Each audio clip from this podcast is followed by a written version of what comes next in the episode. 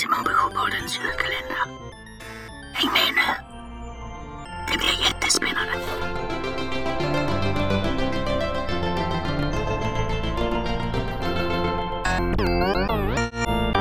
Mm.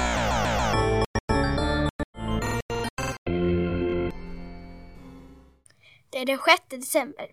Det är den sjätte dagen och pappa har köpt nya blommor. Nu planterar det igen. Hyacinterna tre och tre sina skålar. Tassetterna i sin guldkruka. Men du måste leta upp något annat till den nya fnasiga lökbollen. För den vita julkrukan med granarna hittade krossad på golvet. Jag undrar vad som hände igår egentligen, säger pappa. Här, säger mamma, som tycker att hela mysteriet med de förstörda blommorna är för obehagligt att uppehålla sig vid. Här! Hon räcker pappa en rödmålad lerkruka. Vad tror du om den här? Den är väl julig och fin. Kan passa bra till en amaryllis. Jättebra, säger pappa. Men han knyter ingen rosett om den här, tänker Tilda. Det gör han faktiskt inte. Nu ringer telefonen. Mamma svarar och du hör henne säga oj då.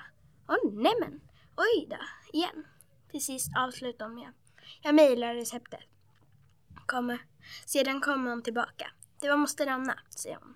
Men pannan sådär bekymrat. Rynkad som den kan vara ibland och hon låter så, duckel. Försöker förstå hur man monterar en nyinköpt möbel i allt för många delar. Det är så bekymmerligt. Hon får ingen ordning på sina lustkatter i år. Det bara misslyckas hela tiden. Hur då? undrar pappa. Moster Anna, Anna kan väl inte baka något misslyckat? Nej, håller mamma med.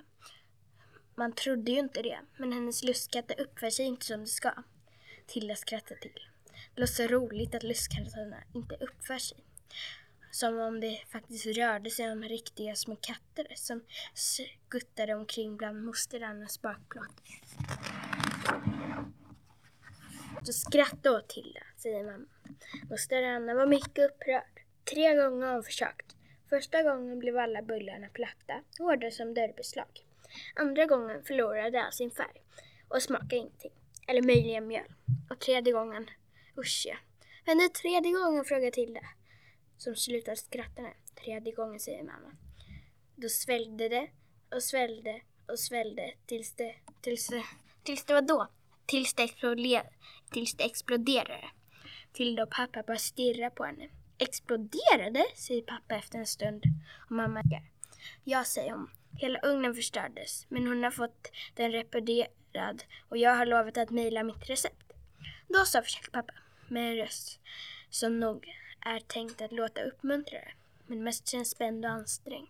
Då så, då ordnar det sig.